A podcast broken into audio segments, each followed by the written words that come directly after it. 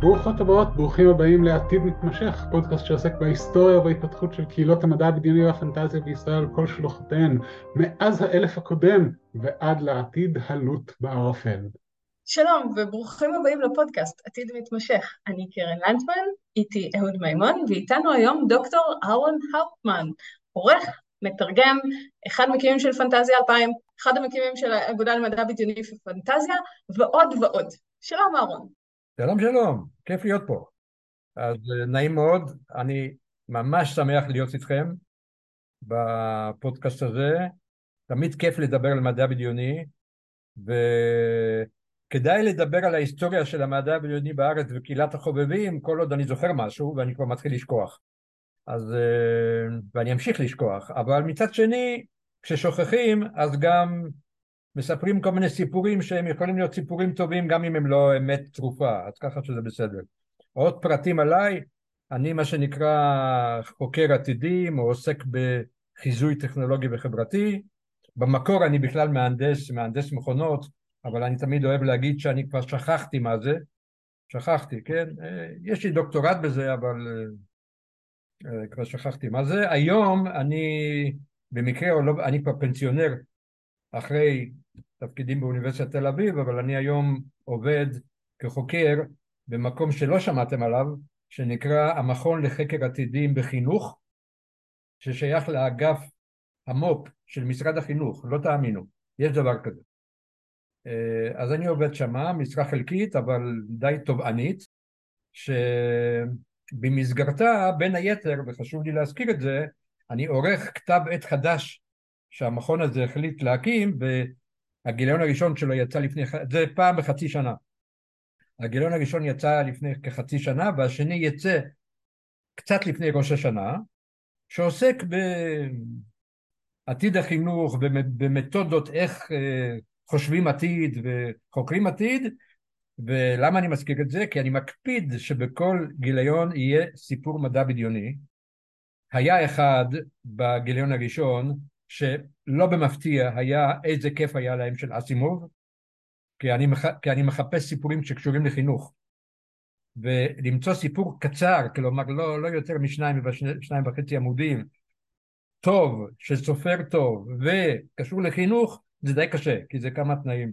אבל פה הבחירה הייתה מאוד קלה ובגיליון השני שיצא כמו שאמרתי לפני ראש השנה לשמחתי מתפרסם סיפור ישראלי מקורי שנכתב במיוחד לכתב העת הזה, שדרך אגב נקרא פרספקטיבות, והסיפור הוא של גיא חסון שאתם מכירים. מגניב. סיפור מאוד נחמד על העתיד הלא רחוק ואיך אה, מורים בשר ודם ומורי בינה מלאכותית משתלבים בהוראה בבית ספר, כן? רגע, אז אני, אני שנייה שמה את הכובע של אה, מייצג את הכותבות בקהילה. אם רוצים לשלוח לך סיפור, מה אנחנו צריכות לעשות? לכתב העת. כן. אני מחפש סיפורים, אני גם, גם כתוב בכל כתב עת שאני מחפש סיפורים, במקרה הספציפי לשלוח לי. אני העורך הראשי, אני עושה שם מה שאני רוצה. כל עוד לא יסגרו את העיתון ולא יעיפו אותי, כי... וזה עלול להיות. זה עלול להיות, כן. עד שיש במה חדשה ונוספת לפרסם בה, אני, אני, אמחה, בתוקף. כן, כי אני, כי אני מקפיד, חוץ מזה שיהיה מדע בדיוני, אני גם מקפיד שבכל גיליון יהיה איזשהו מאמר פרובוקטיבי של תלמידים. אני קורא לזה כל העתיד. חבר'ה צעירים שאני אומר להם, תגידו מה שאתם רוצים. עכשיו, בפעם הראשונה הם דיברו על צ'אט GPT. טוב, לא, no big deal. הפעם ישנה בחורה שמדברת על ההפיכה המשטרית ויורדת רצח על משרד החינוך, אז יכול להיות שהגיליון השני יהיה הגיליון האחרון. היה נחמד להכיר אותך, אהרון. אבל יש לי יתרון גדול, לא, אני לא, אני לא תלוי, חיי לא תלויים בזה, אז אני... לא, לא, האמת, זה יהיה בסדר. יש, בבועה הזאת של אגף המו"פ יש אנשים טובים. אבל לא על זה התכנסנו לדבר. לא. אז אה, בואו נדבר על מה שכן התכנסנו לדבר עליו, ונתחיל עם השאלה הקבועה שבדרך כלל אני שואל לכל האורחות האורחים שלנו, וזה איך אתה הגעת למה ש... לקהילת המדע הבדיוני ולאיזה קהילה הגעת? ואתה מדגיש את המילה קהילה ולא למדע בדיוני כמדע בדיוני. כן. אבל מותר לך לדבר גם על איך הגעת למדע בדיוני. אני, אני לא הגעתי לשום קהילה, כן? אני, יש, יכול להיות שאני אחד האשמים בזה שנוסדה קהילה, למרות שלא זאת הייתה כוונת המשורר בכלל, אבל זה התפתח עם השנים. כי, כי מה זה אני הגעתי? אני קראתי ספרות מדע בדיוני, לא יודע, מגיל תיכון, ובאיזשהו שלב, יחד עם חברים, הקמנו את פנטזיה 2000, כמו שאתם יודעים. עכשיו, פנטזיה 2000, כשהקמנו, זה לא היה כדי ליצור קהילה. זה היה בגלל שישבנו כמה חבר'ה על הדשא באוניברסיטת תל אביב, ומישהו אמר, חבר'ה, יש כל כך הרבה מגזינים למדע בדיוני בעולם, למה אין בארץ? ומישהו אחר אמר, רגע, אין? אז, שאני, אז שיהיה, אז נעשה, וככה זה התחיל. אה, ועכשיו, זה לא, הקרקע כבר הייתה קצת מוכנה, כי הייתה, התחילו כבר לצאת ספרים בצורה די מסודרת. הייתה סדרה של מסדה, ואחר כך התחילה הסדרה של עם עובד, שזה בעצם היה השינוי המשמעותי. סדרה שכל כמה חודשים יוצא ספר ומהספרות, מהמבחר הטוב באמת של ספרות מדע בדיוני, אז הרגשנו שיש לזה מקום, ושאם נוציא מגזין טוב, אז גם יקנו אותו. אה, זהו, אז זה, ההתחלה של פנטזיה 2000, ובעקבות זה התחילה להיווצר סוג של קהילה, או התחברות גם לכל מיני גרעיני קהילות שכבר היו, ואפילו לא ידענו עליהם. כי למשל אלי הרשטיין, אה, ידידי אלי הרשטיין, שגם באיזשהו שלב השתלב והיה נער שסייע לפנטזיה 2000 לסחוב את החוברות המודפסות וכל מיני דברים כאלה, והיום אתם יודעים מה הוא עושה. מותר לך לפרט. גם מוציא לאור וגם בעל חנות ספרים מדליקה, שאם לא, עוד לא ביקרתם בה ברעננה, אז כדאי לבקר בה לפני, לפני שהיא כי זה איזה מין שמורת טבע, זה, זה... הייתם בה פעם? אהוד, אתה לא היית? לא יצא לי. שווה נסיעה מירושלים לרעננה רק בשביל זה. זה אין דברים כאלה, זה רק בסרטים, זה כמו איזה מאורה, כמו איזה מין מרתף אפלולי, שמיליוני ספרים שרק אלי יודע איפה כל אחד נמצא, ועם מלא מלא מלא פסלונים של חייזרים וכאלה, זה, זה, זה, זה לא אמיתי, זה לא אמיתי, את נכנסים לשם, אתה, אתה נמצא באיזה מין תפאורה של איזשהו סרט אימה סלאש הפוך מאימה, לא יודע מה זה הפוך מאימה, אבל אה, זה, זהו, אז, אז, זה, אז זה אלי ארשטיין. אז אלי, למה אני מזכיר אותו? כי הוא אז, לא ידענו על זה, הוא אז, היה לו איזה מין מועדון קוראי מדע בדיוני של חבר'ה בגיל אה, תיכון, שהוא הקים אותו בחולון. זו עיר, גם עיר מגוריי אז וגם עיר מגוריו, לא ידעתי על קיומה, היו מתכנסים פעם ב... לא יודע כמה זמן, ואפילו הייתה, היה לו איזה מין פנזין כזה מודפס במכונת כתיבה עם שורות עקומות וכל מיני ציורים שהיה, קראו לזה המגזין למדע בדיוני, או המגזין לא, המגזין של חובבי מדע בדיוני, משהו כזה, עשרים עמודים, כן? סיפור, מאמרים וכאלה, אז, אז, אז היה מין גרעין של קהילה, וגרעינים כאלה היו גם בכל מיני מקומות אחרים בארץ, כנראה, שלא ידעו בכלל אחד על השני כי לא היה אינטרנט, לי גם לא היה טלפון, אז כן, אז אז, אז שוב, אני מניח שהיו מין מועדונים כאלה פה ושם בכל מיני מקומות. אני ידעתי גם כן, רק אחרי שכבר פנטזיה 2000 התחיל לצאת לאור, נודע לי על זה של חולון. אחרי כמה שנים הבנתי שיש איזה אחד בהרצליה. אפילו הזמינו אותי שם פעם לאיזה מפגש. היו כל מיני כאלה. העסק עבר מהפכה עם האינטרנט. כי באינטרנט אז נהיו פורומים והתקשורת הייתה הרבה יותר קלה וכולי וכולי וכולי, וכמובן אה, ציון הדרך המשמעותי היה הקמת האגודה ב-96 אם אני לא טועה, שזה כבר אחרי שהמגזין פנטזיה 2000 כבר היה זל, כי הוא נסגר ב-1984.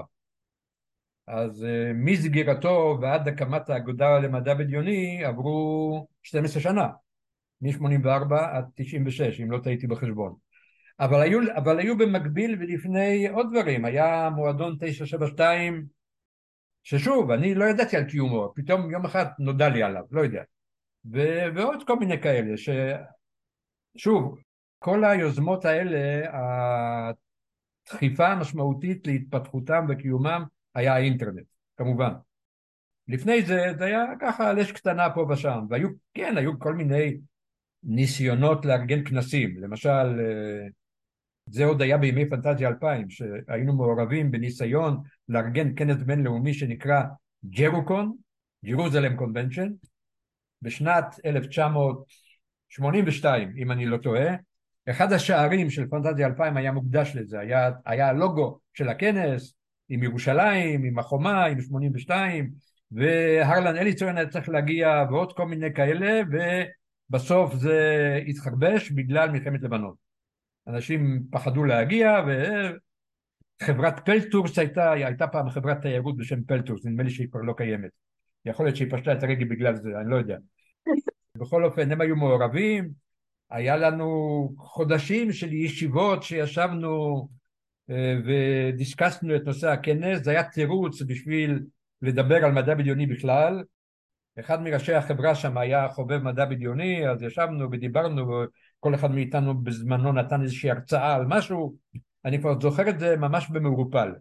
אבל הפואנטה הייתה לארגן כנס בינלאומי, וזה כבר היה די מאורגן, יש לי את החוברת איפשהו, שהופצה בדואר, כן, בדואר, לא באינטרנט, כי עוד לא היה, חוברת אדומה כזאת עם תוכנית, עם אה, המלצות על בתי מלון, עם כל, כנס מאורגן למופת, כמו שכנס בינלאומי צריך להיות, והוא לא התממש, כן?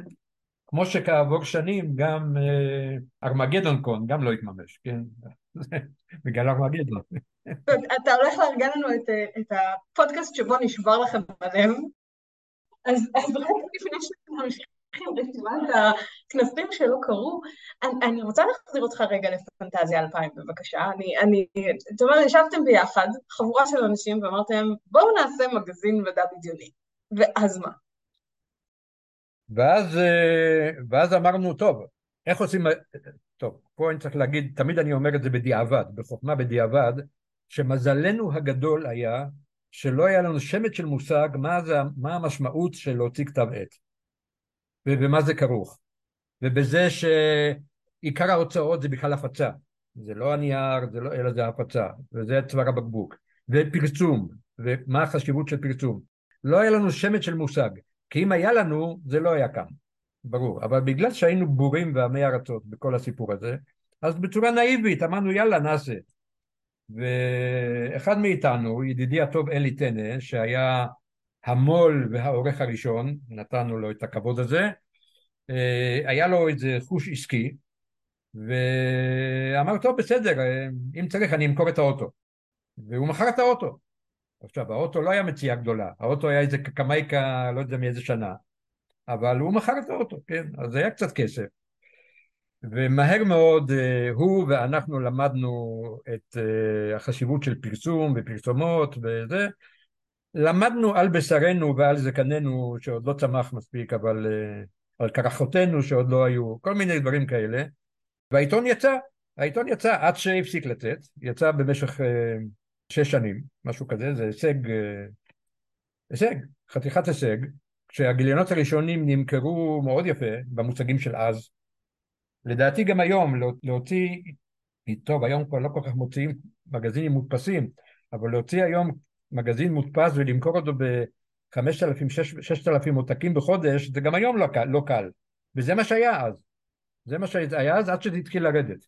זה, השיא היה משהו כמו, כמו גיליון 2, 3, 4 רק אז זה התחיל להתייצב על הרבה פחות עם אה, לא זוכר משהו כמו 1,500 מנויים שזה גם יפה מאוד אבל uh, היה קשה מאוד לתחזק את זה לאורך זמן ואז באיזשהו שלב uh, ידידי אלי טנא קצת נשבר לו מהעניין כמה אפשר להפסיד ולא היה לו עוד אוטו למכור.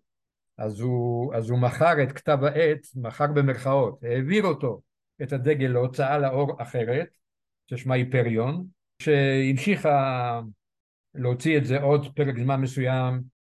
אז כבר, אז כבר אני הייתי העורך הראשי, התחלתי עוד קודם אבל המשכתי להיות העורך הראשי וברוב חוצפתי גם דרשתי שישלמו לי משהו, אז שילמו לי משהו, כן? שילמו לי משהו כדי שאני לא אברח, אבל זה היה שטויות. עד שבאיזשהו שלב גם אני נשברתי, ואז המשיכה את זה בחורה בשם גבי פלג, שקצת נעלמה מהשטח. יחד עם עמנואל שהיה חבר מערכת, בסופו של דבר בגיליון מספר 44 בשנת 1984, זה סמלי דווקא, כן, עכשיו כשאני חושב על זה, ב-1984 העיתון חדל להתקיים ומאז ובמיוחד אחר כך בתקופת האינטרנט והאגודה התחילו להתפשט שמועות, תיאוריות קונספירציה וכאלה שיש גיליון סודי שלא יצא, מספר 45. אני מודה שאני די טיפחתי את האגדה הזאת, כן? כל הזמן הייתי מפיץ כל מיני רמזים, כן, יש, ועוד נוציא את זה, ואז אה, אנחנו קופצים 30 שנה קדימה בזמן, 30 שנה, סליחה, 30 שנה אחרי הגיליון הראשון. כלומר, ב-1900, כמה זה 1978 ועוד 30 שנה? 2008? אה, ב-2008 הוצאנו את גיליון 45 החגיגי, גיליון נוסטלגי, מודפס, עם, על נייר קרומו, צבעוני, יפה, יש לו גם מהדורת VIP עם מדבקת VIP בזהב כזאת, יש לי פה איזה אחת כזאת זרוקה איפשהו, וזהו, למען ההיסטוריה והנוסטלגיה. אגב, התמונות של המערכת, של חברי המערכת שישנם, יש לכם את העיתון 45? צריך להיות על המדף איפשהו, כן. תסתכלו, יש לנו שם תמונה של חברי המערכת שמצולמת בחנות הספרים של אלי ארשטיין. קול. Cool. נדמה לי שאני מצולם שם מחזיק איזה בובה של חייזר או משהו כזה, זה משם, כן? הצטלם, נסענו לאליו ואמרנו, זה המקום להצטלם, הצטלמנו אצלו, ויש גם איזה מאמר של אלי ארשטיין אה, שם על, על חובבי המדע הבדיוני, מיומנו של חובב מדע בדיוני, משהו כזה. ואחד הדברים היפים שיש באותו, אני לא רוצה לדבר יותר מדי דווקא על הגיליון הזה, אבל יש בו דבר אחד מאוד יפה, וזה מדור שנקרא פנטזיה שלי, שבו ביקשנו מכל מיני אנשים שיש להם איזשהו חלק במדע בדיוני בארץ לספר את חוויותיהם מהפנטזיה 2000, מה זה עשה להם, איך זה השפיע עליהם וכולי. אז יש שם קטע מאוד יפה של לביא תידר, שבו הוא בעצם אומר שבזכות פנטזיה 2000 הוא נהיה סופר מדע בדיוני, כי הוא מצא את זה זרוק איפשהו בבוידם של ההורים בקיבוץ, והתחיל לקרוא, וזהו, וזה נורא משעשע, כי הוא מספר שם איך הוא, הכי, שהכי הוא התלהב ממכתבי הקוראים, כן? והוא זכר בעל פה שמות של קוראים שהוא מצטט אותם שם בקטע הזה. ו... ועוד כל מיני אנשים טובים כתבו שם במדור הזה, אני מאוד אהבתי את המדור הזה, אבל קפצתי מנושא לנושא.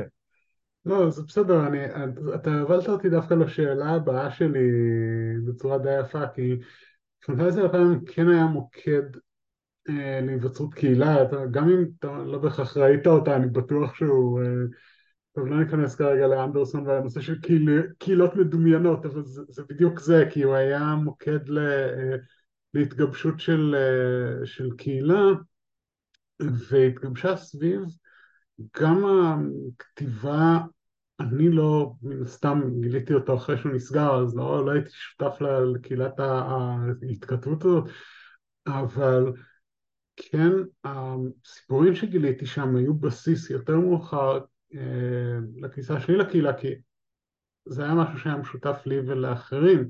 רציתי לשאול קצת על המדיניות של, אה, של העריכה, וספציפית על אה, כתיבה של, כתיבה ישראלית. אז ככה, כן, זו שאלה במקום, כי כשהתחלנו לחשוב על פנטזיה 2000, מה אנחנו רוצים שיהיה ואיך וכולי, די בהתחלה אמרנו שאנחנו רוצים שבכל גיליון, בכל חודש, יהיה לפחות סיפור מדע בדיוני ישראלי מקורי, כתיבה מקורית, רצוי יותר מאחד, אחרת אין טעם שזה יהיה. זה, זה, זה, אמרנו את זה מההתחלה, הייתה, היה קונצנזוס.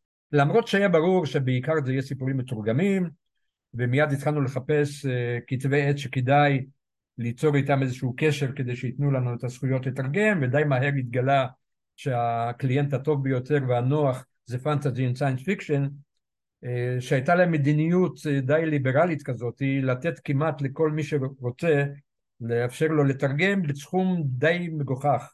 לנו זה היה סכום כבד, אבל אבסולוטית זה היה סכום די מגוחך, אה, כמה מאות דולרים לגיליון. אה, וגם, וכשלא היה כסף אז גם לא, גם לא כל כך הקפידו שנשלם. אבל כמו שאמרתי, אמרנו, אנחנו רוצים שבכל גיליון יהיה לפחות סיפור אחד ורצוי שניים או יותר של כתיבה מדע בדיוני ישראלית מקורית, כי זה כתב עת ישראלי.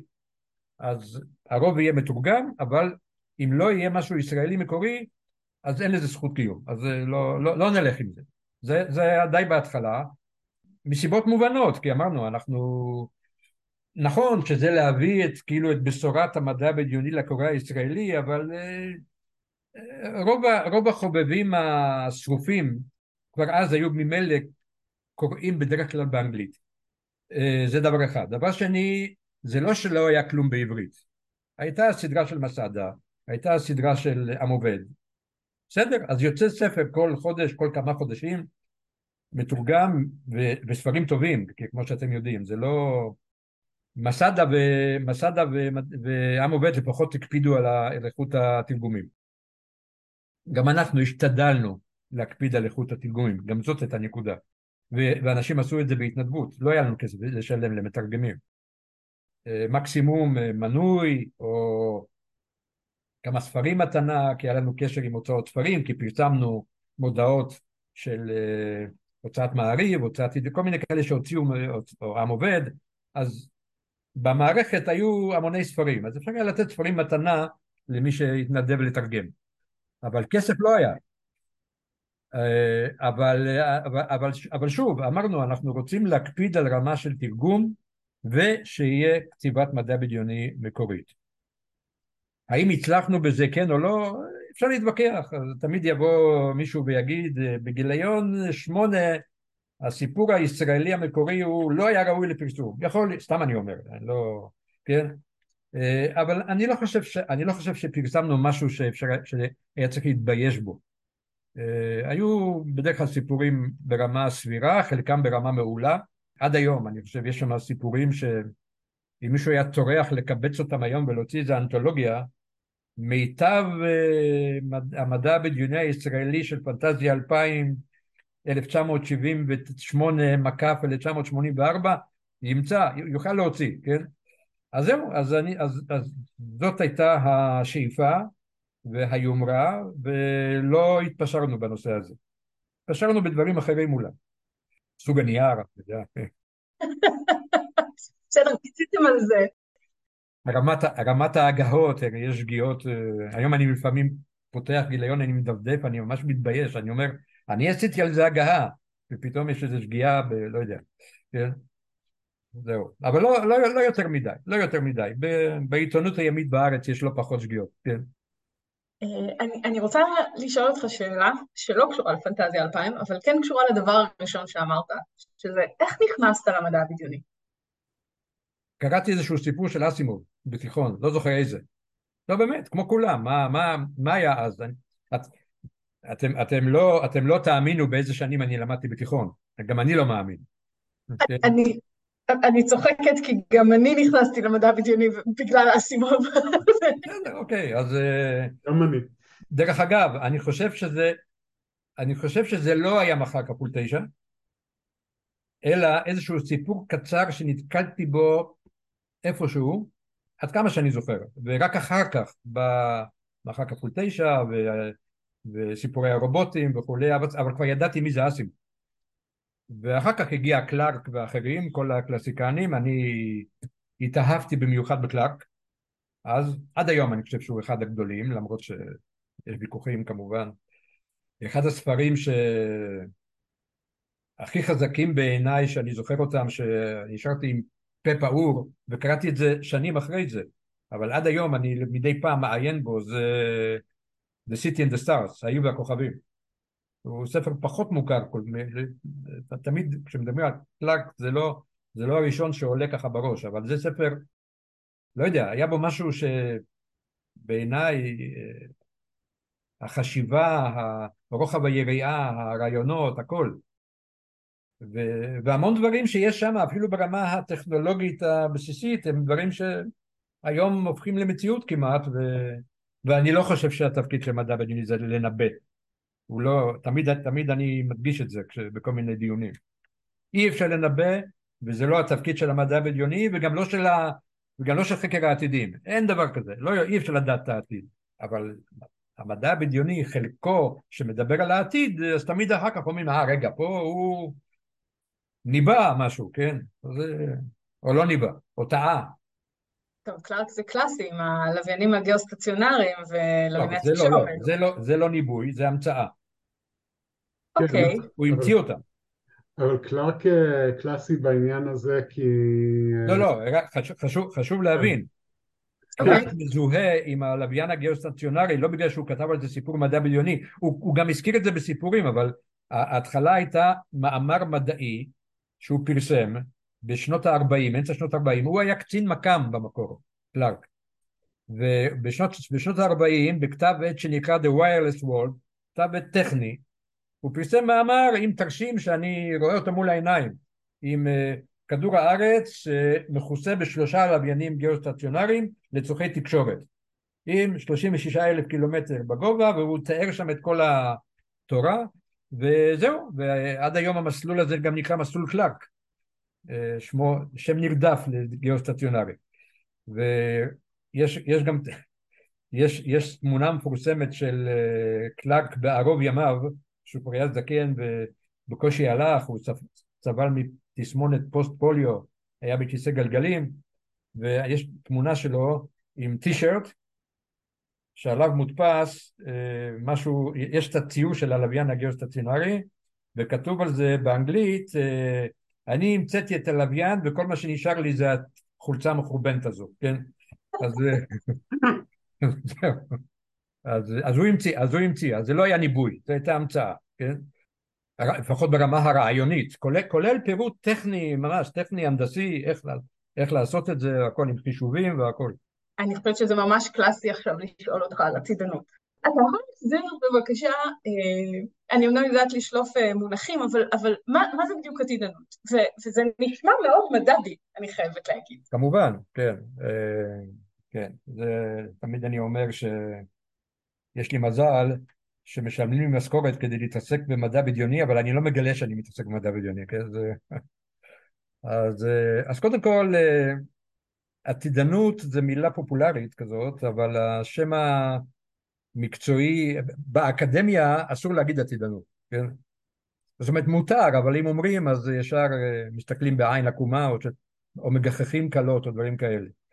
אז, אז אומרים חקר עתידים, כן? future studies, ודגש על futures ברבים.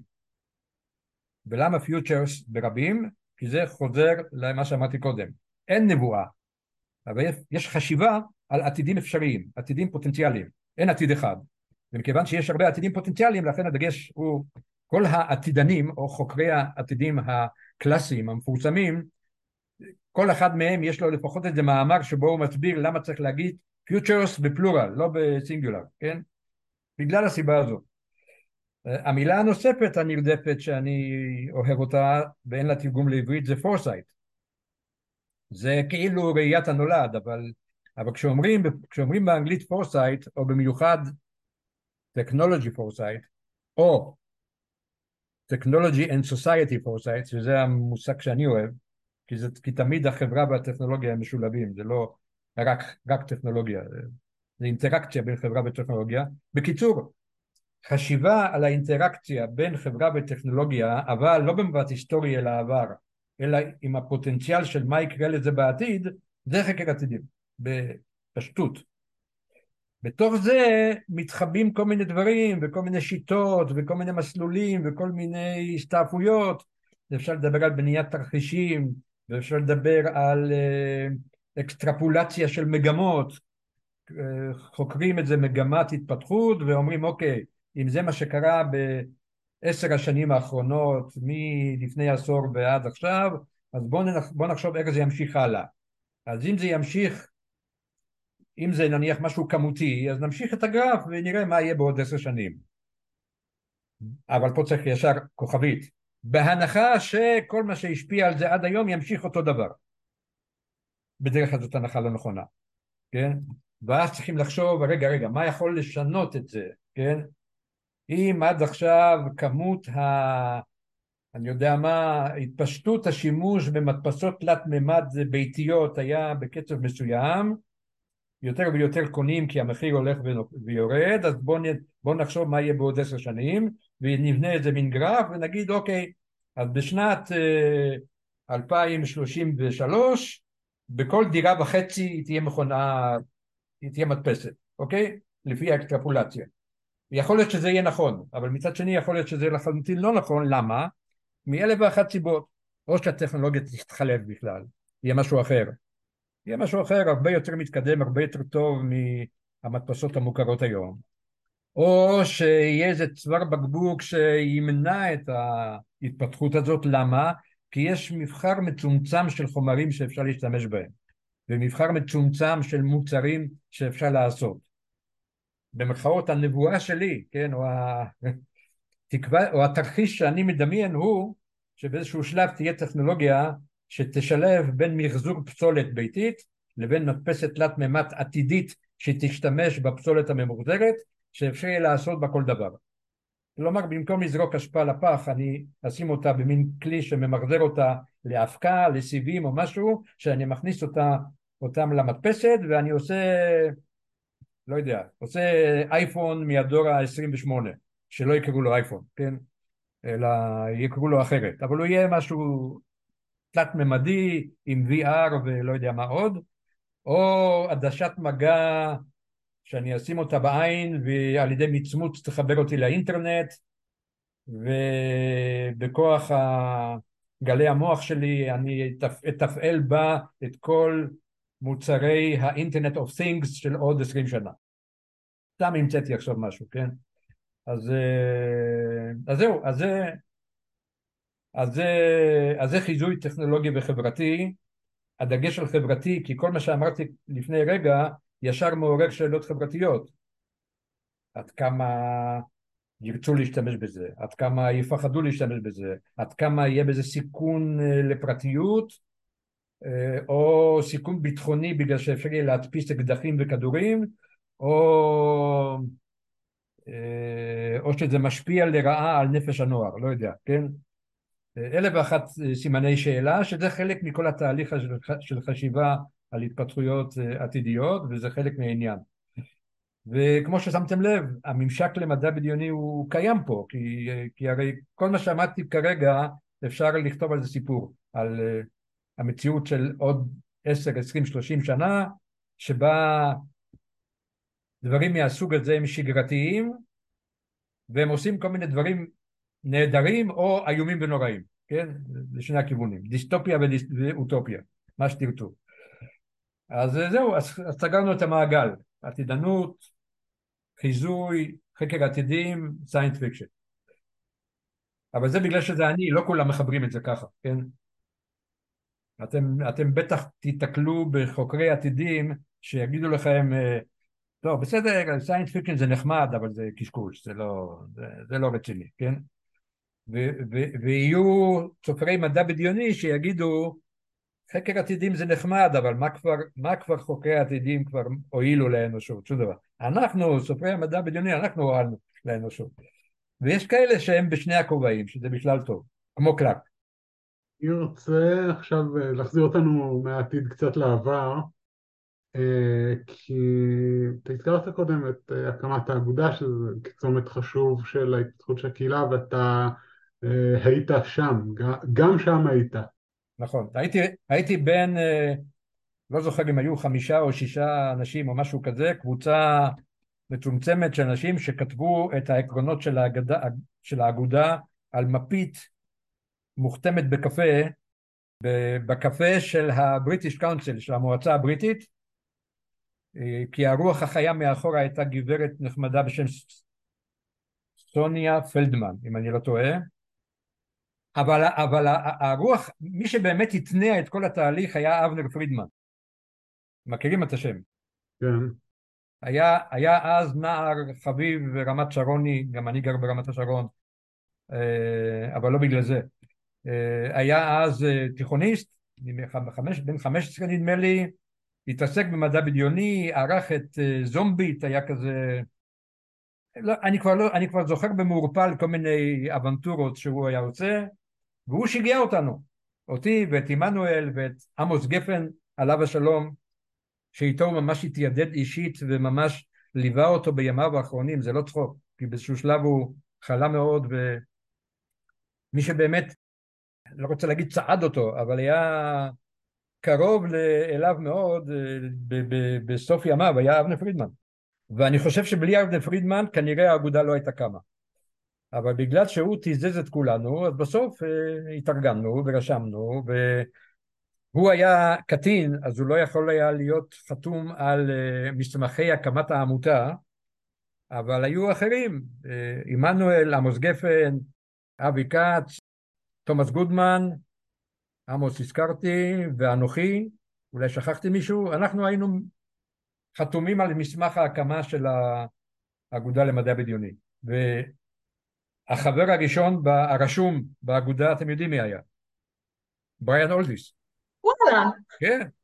חבר מספר 001 זה בריאן אולדיס? משהו כזה, כן, עם תעודת חבר. היה, ארגנו אה, את הכנס הראשון, שהיה ב-96 כנראה, יכול... אגב, יש באתר האגודה, אתם, אתם יכולים לבדוק את כל מה שאני אומר, יש באתר האגודה סיכום פגישה של ותיקי האגודה שהתכנסו לפני, לא יודע, כבר די הרבה שנים, כבר איזה שמונה תשע שנים נדמה לי, והסיכום של זה מופיע באתר האגודה, יחד עם תמונות, ושם יש דברים שאני אומר ועמנואל מתקן אותי, אומר לא לא אתה לא זוכר טוב היה ככה וככה וככה. ושם תוכלו למצוא את הרשימה המדויקת של מקימי העמותה ולאמת את מה שאני אומר עכשיו או להגיד לי ששכחתי משהו או טעיתי. לא באמת כדאי להעיף על זה מבט שם. אירוע מאוד נחמד. אה, זהו ובכנס הראשון בריאן אולדיס הוזמן נתן הרצאה וקיבל את אה, כרטיס החבר הראשון, עד כמה שאני זוכר. ובהתחלה גם נדמה לי שבשם זה, זה היה משותף, כאילו אגודה למדע בדיוני יחד עם מועדון 972, היה שם איזה חיבור כזה, כן? רק אחר כך זה התפצל. גם הכנסים אחר כך התפצלו כעבור שנים, היסטוריה בפני עצמה, כן. אה, זהו, אז, אה, אז הקמת האגודה באמת הייתה ציון דרך מבחינת קהילת החובבים ואז כבר היה אינטרנט, אז כבר היו פורום אורט עוד היה לפני זה אני חושב, פורום אורט המפורסם, אני לא בטוח, או בערך במקביל, אני חושב, נדמה לי שפורום אורט עוד היה לפני שהאגודה קמה, אבל אני באמת לא זוכר, לא זוכר, כדאי לבדוק את זה, אבל שוב האינטרנט נתן לזה דחיפה רצינית והתחילו כנסים. אתם לא רוצים שאני אספר את הסיפור שסיפרתי כבר מאה פעם ומופיע גם ב, במבוא ל science fiction, במבוא, באסופה האנגלית, שיש שם, שם סיפור שלך, נכון קרן? נכון. אה, אז, ב, אז יש, יש הקדמה של רוברט סילברברג ויש אחרית דבר בספר, זה משהו מאוד קצר, עמוד שלי, אז יש שם את הסיפור שסיפרתי אותו מיליון פעם על החוויה הנוראית שהייתה לי באחד הכנסים הראשונים של האגודה, בכנס השני או השלישי, לא, לא זוכר, בסינמטק. אני מסתובב עם מישהו במסדרונות הסינמטק, שם בין האולמות, אולם אחד ושניים, זה היה רק הסינמטק הישן, ויושבים כל מיני חבר'ה ילדים, בני 14, לא יודע, 13-14, יושבים שם משני צידי המסדרון, ואני עובר שם עם מישהו, לא זוכר עם מי, אולי עם עמנואל, לא יודע, לא זוכר. ואני שומע שניים מתלחשים ואחד אומר לשני אתה יודע מי זה? ואני מתחיל להקשיב ואז השני אומר לו זה אהרון אופנן העורך של פנטזיה 2000 ואז השני אומר מה הוא עוד חי? זה היה ב-96, 7, 8, משהו כזה, כן, באחד הכנסים הראשונים. אז אה, זהו, אז, אה, אז זה סיפור שאני מאוד אוהב לספר, ושם באפטרווד כתבתי here I am still, still alive and kicking, או משהו כזה, כן, אז... And, the, and the Israeli science fiction is alive and kicking, זו הייתה הפואנטה, כן. יש, יש מה להוסיף? אה, להוסיף אני לא יודע, אבל לשאול, כשאתה מגיע היום לכנסים, זה מה שדמיינתם? זה מה שחשבת? אתה עדיין מרגיש חלק מהקהילה? אם אני מרגיש חלק מהקהילה, כן ולא, במידה מסוימת כן, כי אני בכל זאת, אני מרגיש מעורבות גם, גם ברמה ההיסטורית, שהייתה לי איזוש, איזושהי מעורבות בהתפתחות של הדבר הזה, דרך פנטזיה 2000, שדרך אגב עכשיו קיים באינטרנט, כן, כמו שאתם יודעים. עשינו לו החייאה באינטרנט, והוא ממשיך לפרסם סיפורים, הפעם רק מקוריים, רק ישראלים. אז בזה אנחנו ממשיכים את השליחות שלנו, אבל היום זה כבר לא חוכמה, כי יש גם רמי שלהבת עם אה, בלי פאניקה ויש אחרים, אבל עדיין, הנקודות האלה של פנטזיה 2000, כל פעם כשאני רואה שיש סיפור תחת הלוגו הזה, זה משמח אותי. אה, אז, אה, אז אני מרגיש מעורב, אבל לגבי כנסים, אז פחות ופחות. כי עד לפני לא הרבה זמן, שנתיים, שלוש, אני ראיתי איזה מין חובה לעצמי כל פעם שלא ישכחו אותי לגמרי לבוא לתת איזושהי הרצאה או משהו, ואני עדיין עושה את זה לפעמים, אבל, אבל האמת, כשאני מגיע לכנס, אני, אני נורא נהנה לראות את כל המהומה הזאת, אבל אני אומר, רגע, כל פעם אני מרגיש שהחבר'ה שמסתובבים שם יותר, יותר ויותר צעירים, כן? אני נשארתי כאילו באותו גיל, אבל הם יותר צעירים, כן?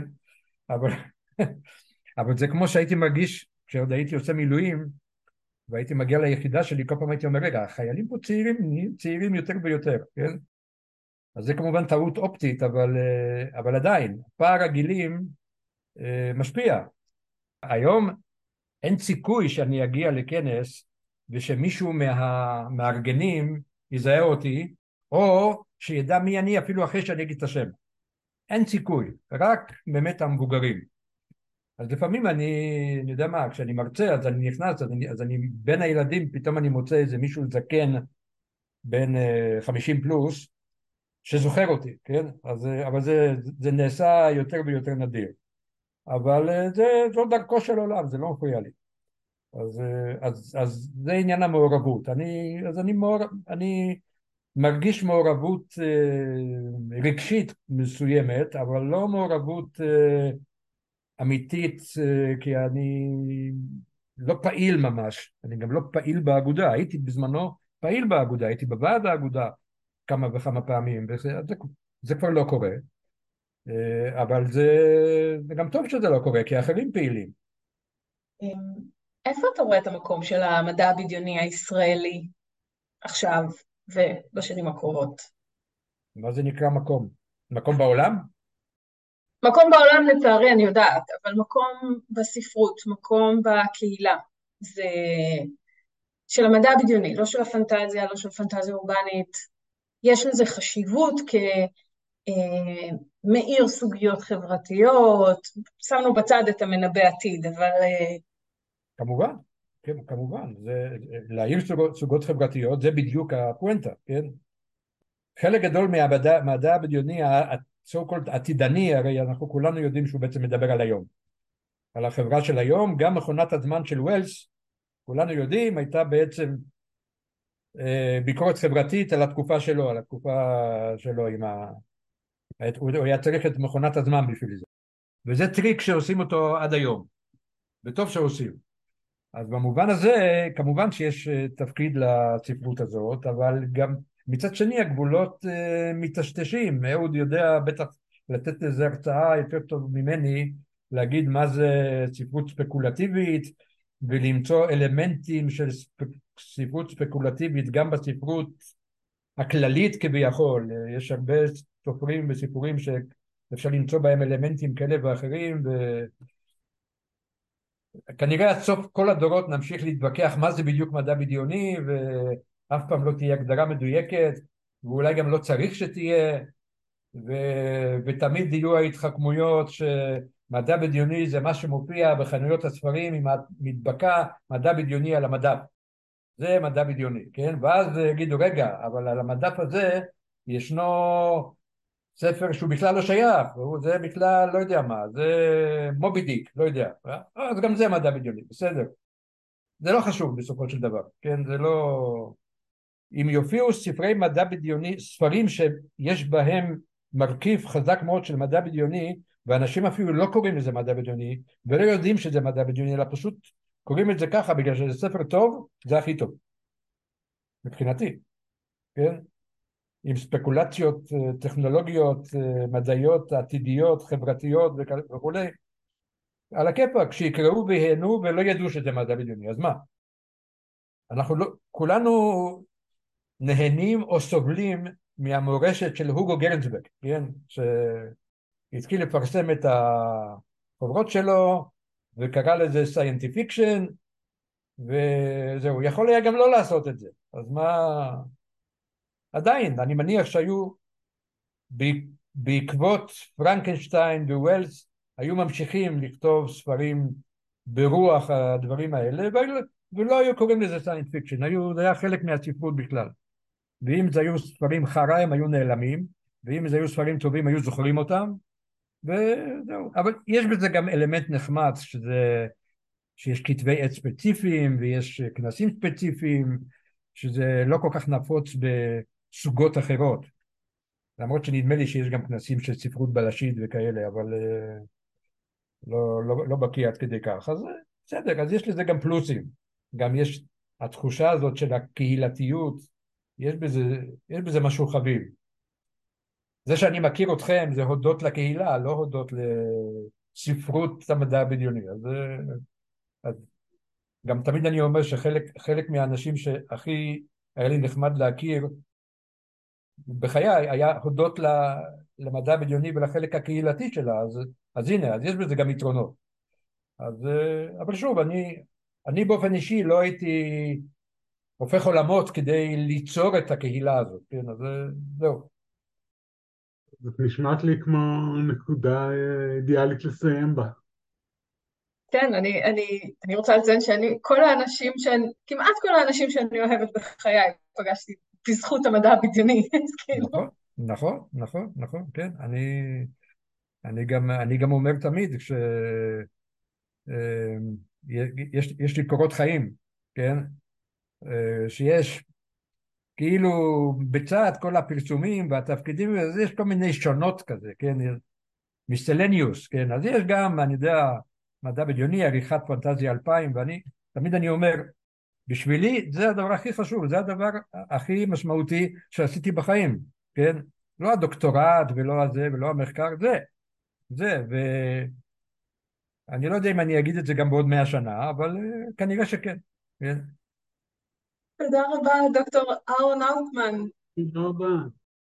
חשוב לי מאוד להגיד שאני מאוד אוהב כמה וכמה אנשים מקהילת המדע הבדיוני בארץ, ואתם בטופ של התת קבוצה הזאת, ונורא כיף לי לדבר איתכם תמיד, והרבה הצלחה בפודקאסט, ובכל יתר מעשיכם במעל עליכם. תודה רבה. תודה.